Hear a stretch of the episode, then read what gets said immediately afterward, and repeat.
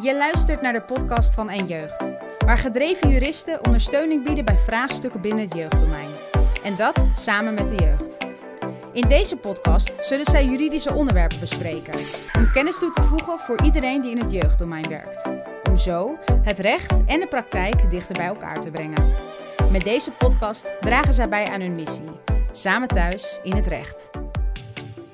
Goedemiddag, uh, welkom bij de podcast van En Jeugd, samen thuis in het recht. Uh, ik zit hier vandaag met uh, Marloes Kenter, een professional. we gaan het vandaag hebben over de podcast van Jason, die Moraya heeft gemaakt met Jason. over zijn ervaringen in de jeugdzorg en wat hij heeft meegegeven aan de professionals in de jeugdzorg. Wij gaan vandaag daar weer verder uh, met als doel om professionals te inspireren en uh, ervoor te zorgen dat we nou ja, de tips van Jason meenemen ook in het werk, zodat we ook de jeugdzorg een beetje beter kunnen maken. Dus nou, Marloes, fijn dat je er bent. Heel fijn dat je wil meewerken ook aan deze podcast. Dus nou, graag geef ik je nou, hierbij gelegenheid om jezelf even te introduceren. Ja, nou, dankjewel. Ja, ik vind het leuk om hier te zijn.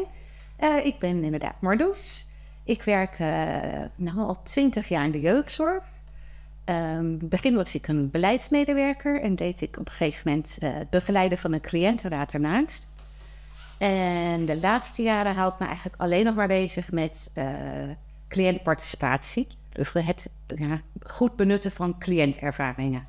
Dus ik hou me bezig met ouders en jongeren die in begeleiding zijn geweest bij, binnen de organisatie waar ik werk. Dat is Partners voor Jeugd een samenwerkingsverband uh, van verschillende organisaties op het gebied van jeugdbescherming en jeugdreclassering en pledenzorg. Ook landelijk en ook cliënten met een uh, beperking. En de ouders en de jongeren die daar in begeleiding zijn geweest en die zijn geweest of nog in begeleiding zijn en die meer willen met hun ervaring, die kunnen trekken bij het cliëntbureau waar ik werk. Dus ja, dat is hartstikke mooi werk. Ik, uh, ik en samen met twee andere collega's uh, horen wij dan het verhaal van de ouders of de jongeren. Mm. He, dan moeten goed weten wat, uh, wat ze hebben meegemaakt en wat zij een belangrijke boodschap vinden. Dat zij graag willen meegeven dat het nou, beter kan of welke tips zij willen meegeven. Dat juist wat goed ging, dat dat vooral nou, meer moet, zeg maar. Ja, dat ouders of dat onze collega's ook weten dat ze dat vooral moeten blijven doen of meer doen. Um, ja, en dan kijken we eigenlijk van welke vragen ligt er in de organisatie. En dan proberen we een match te maken. Dus dan kunnen de ouders en jongeren uh, een bijdrage leveren in een leerlijn. Dus zeg maar de opleiding voor nieuwe jeugdzorgmedewerkers. Of uh, bijvoorbeeld bij een congres of een themadag die er is over een bepaald thema. Bijvoorbeeld middelengebruik of seksualiteit en intimiteit. Daar hebben ook jongens, jongeren en ouders aan deelgenomen. Uh, we hebben een jongerenpanel voor de jeugdbescherming en ook een jongerenpanel voor de jeugdrecassering. Die kwam dan een paar keer bijeen. Uh, ja, en dan hebben we gewoon een leuke dag ook vooral. Lekker pizza eten, maar ook he, hebben over dingen die de jongeren belangrijk mhm, vinden. Mhm. En ook, uh, wat ook heel, ja, dat merk je ook, vind ik ook echt een kracht en heel mooi van het werk, dat als de jongeren dan bij elkaar komen, ja, hoe ze elkaar ook versterken. He, dat ze vragen van, oh, hoe was het dan voor jou? Had jij dat ook? Oh, oh is dat zo? Oh, wat, nou, wat heb je dat goed opgelost? Of, uh, ja, dus dat ze ook veel aan elkaar hebben. Dus nou, super mooi om dat te mogen ja. begeleiden. Ja, echt, echt heel mooi inderdaad. Verschillende, dus de, cliënt, de cliëntenraad, maar ook de jongerenpanels.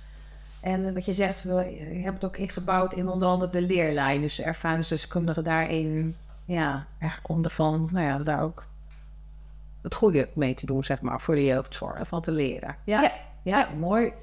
En um, ja, we hebben natuurlijk de podcast van Jason beluisterd. En ja, ik vroeg me af wat jij. Uh, ja, boven dat het natuurlijk een heel mooi gesprek weer is geweest met Moraya. Wat Moraya gedaan, ja. ja. mooi doet. Ook met Jason nu deze keer. Prachtig gesprek. En uh, dat, ja, dat hij dat zo heeft verwoord allemaal weer. is altijd heel mooi om te beluisteren. Wat hij meegeeft aan, aan, aan, aan de professionals en ons daarover. Uh, wat, wat viel jou op in dat, in dat gesprek met, met Jason? Uh, ja, verschillende dingen. Ik vond het eerste gewoon een heel mooi gesprek. Wat je zegt, heel, heel rustig, natuurlijk. Uh, Jason vertelt echt uh, op een hele mooie, rustige manier... eigenlijk over hele vervelende dingen die hij heeft meegemaakt. Ik vind het ook heel knap dat hij kan vertellen wat voor hem belangrijk was. En zonder echt te benoemen wat er nou allemaal gebeurd is. Hè, dat is ook niet altijd nodig. Het gaat er eigenlijk vooral om van wat, eh, ja, wat heeft mij geholpen, waar had ik het moeilijk mee. Ja. En ik vond dat Jason ook heel mooi eh, aangaf dat eh, nou, muziek voor hem heel belangrijk is. En dat hij eh, eh, eh, ja, herkenning zocht eigenlijk met iemand die eenzelfde taal spreekt of eenzelfde soort ervaring had. Nou, dat had hij dus met de muziek van Lijpen. Ja. Ja, ehm, ja, dat herken ik dus ook met de verhalen van ervaringsdeskundigen of onderling of naar de professionals. toe. Dat is toch echt wel iets wat, wat impact maakt. De herkenning. De herkenning, Ja, ja. herkenning, in ja. de verhalen, in de pijn, in, in, in ehm, ja, en ook de taal. Hè? Ja. Je, doet, je zegt het in je eigen woorden. Dat is heel anders dan in beleidstaal of eh, Ja. ja, een saaie opzommingstekens. Dat komt gewoon minder over. Dus echt, ja, ehm, dat vond ik ook echt, echt mooi dat hij dat deed. Ik vond ook echt heel eh, nou, liefdevol hoe hij sprak over eh, tweede moeder, waar hij heel veel, veel aan gehad heeft. En ook refereerde maar aan zijn eigen moeder. Hè, dat, dat hij er ook heel veel liefde voor heeft. En voor de begeleiders van eh begeleid wonen waar hij toen zat en hoe belangrijk dat is. Dat hij daar terecht kon en nou, dat, dat, dat, voel je wel echt. Dus ik denk ook als professionals dat horen dat ze, eh, ja, eh, je- bent er natuurlijk om, nou ja, in het geval waar ik werk voor de veiligheid van, van het kind. Maar het is ook zo belangrijk om, om dat hele proces en de trauma's die je opdoet als je eventueel uit huis wordt geplaatst of nou ja, wat je allemaal niet meemaakt, om daar ook echt oog voor te hebben. Ja. En dat vond ik dat Jason echt ook heel mooi. Nou, dat kwam heel mooi in de podcast naar voren. Ja. Ja. ja. En wat hij, eh, wat, wat hij meegeeft vanuit zijn, ehm, ehm, ja, als, als, als boodschap, zeg maar, hè, van eh, wees oprecht als hulpverlener dan, hè, op, oprecht, ook transparant, eerlijk. Ja, dat hoor ik ook vaak terug hè, van de ouders en jongeren, dat dat heel erg belangrijk is. En eh, oprecht, ja, eh, ik denk dat de ouders en jongeren die hebben toch vaak te maken met heel veel verschillende hulpverleners. eh, waar je elke keer weer je verhaal aan moet vertellen. Ja. Dus ja, je moet eerst vertrouwen winnen, hè, Ja. voordat je je verhaal misschien echt durft te vertellen. Of echt durft te vertellen waar je het moeilijk mee hebt. Of waar je misschien Ja. niet altijd handige dingen in doet. Ehm, ja, en dat kost tijd. Dus ja, die vertrouwen en eerlijkheid ook. Ja, doen wat je zegt en zeggen wat je doet. Dat je ook laat merken eh, dat je bezig bent met eh, het traject van de jongeren. Welke stap je daarin zet. Ook laat horen als het niet lukt. Ik ben er wel mee bezig, maar nou, om deze reden duurt het wat langer. Of lukt het even niet. Of hebben we eerst nog wat anders nodig. Maar dat je echt laat merken en laat voelen dat je het dus belangrijk vindt eh, nou ja, dat die stappen gezet worden en dat je daar ook, ook nou, je tijd mee bezig bent. En ook al heeft het misschien niet direct effect, dat je laat weten dat je dus bezig bent. En dat belangrijk vindt om dat terug te koppelen. Dat je die persoon belangrijk vindt waar je mee bezig bent. Ja. Ik denk dat dat heel belangrijk is om te horen. Communicatie met elkaar. blijven. Blijven communiceren en op de hoogte houden inderdaad. Van, wat wel en wat niet lukt. Ja. En iemand daarin meenemen. Ja, dat is ook wel wat het oprechte. Ja, eerlijkheid. Ook, daar hoor ik ook heel vaak terug. Laat zien dat je een echt mens bent. Kom, niet alleen met jouw agenda en jouw lijstje en rechten en plichten waar je over moet informeren. Maar ehm, nou, ja, echt mensen bent, op wat voor manier, wat, wat, ja, een echt mens met, met een hart. Hè? Dus dat je, eh, nou, dat je ook mag zeggen van... Hey, nou, het is nog wel wat wat je hebt meegemaakt. Of eh, hoe is het voor jou? Ja. En dan gewoon luisteren. dus echt luisteren, echt Oprecht ook. contact met elkaar als mens. Ja, Ja, van mens tot mens eigenlijk. ja. Ja, En ja, ik weet niet hoeveel tijd ervoor is. Ik, ik ben zelf geen hulpverlener, dus het lijkt me een heel moeilijk vak. Maar eh, ja, dat, dat is wel dat je terug wordt wat het verschil maakt. Hè? Dat Ja. welke hulpverleners het verschil hebben gemaakt... dat zijn degenen die er in de ogen van de oude of jongeren echt voor hun geweest zijn. Ja, dat was ook heel mooi wat Jason noemde. Hè? Van, er was zo'n lieve vrouw, of was Ja. echt een hulpverlener met zo'n puur, Ja, klopt. puur hart. Of, hè, waar, Ja. van die, wat, wat, wat, hij, wat, hij, wat hij dacht van, ik heb een negatief beeld hè, van de jeugdzorg. Ook vanuit, eh, ja, vanuit het eh, gezin waar hij opgegroeid een ne- negatief beeld van jeugdzorg. Maar toen ja, was het toch die betrokken professional die hem ook echt heeft geholpen. Dat ik, Ja. maar is, dat, is dat ook soms het beeld van dat negatieve beeld van de jeugdzorg? Dus dat dan ehm, lastig is om zeg maar ook de samenwerking te starten. Is dat ook iets Ja, dat Wordt herkend? Ja. Eh, ja. wat, iets, iets wat ik vaak terughoor, inderdaad. Van, eh, sowieso zie ik natuurlijk in de media. Hè, Ja. Iedereen die, die kent dat wel. Zelfs eh, gewoon vrienden en kennis van professionals. Hè, die zeggen, is het nog wel leuk om daar te werken. Ehm, maar van de ouders en jongeren hoor ik ook terug dat, het, eh, eh, ja, dat zij dat beeld ook hebben. Of hebben gehad. En dat ze eigenlijk vinden dat dat ook wel omgedraaid mag worden. Hè, want ze gunnen andere ouders en jongeren ehm, dat zij open, meer open kunnen staan voor de hulpverlening. Want dan ja, kun je sneller natuurlijk een goede samenwerkingsrelatie opbouwen. Ja.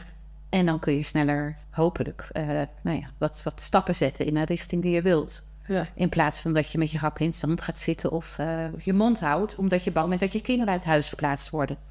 Dat is toch wel een angst die ik ook heel vaak terug hoor. Ja. Want we hebben ook nu een, eh, ja, een maatje en een moeder die eh, als ervaringsdeskundige ook in eh, individuele zaken bij ouders thuis komt. Dat is een, een pilotvorm. En we, hè, we kijken hoe dat het beste werkt, welke voorwaarden, afspraken, wat voor iedereen duidelijk moet zijn. En er zitten natuurlijk wel wat, wat kansen aan.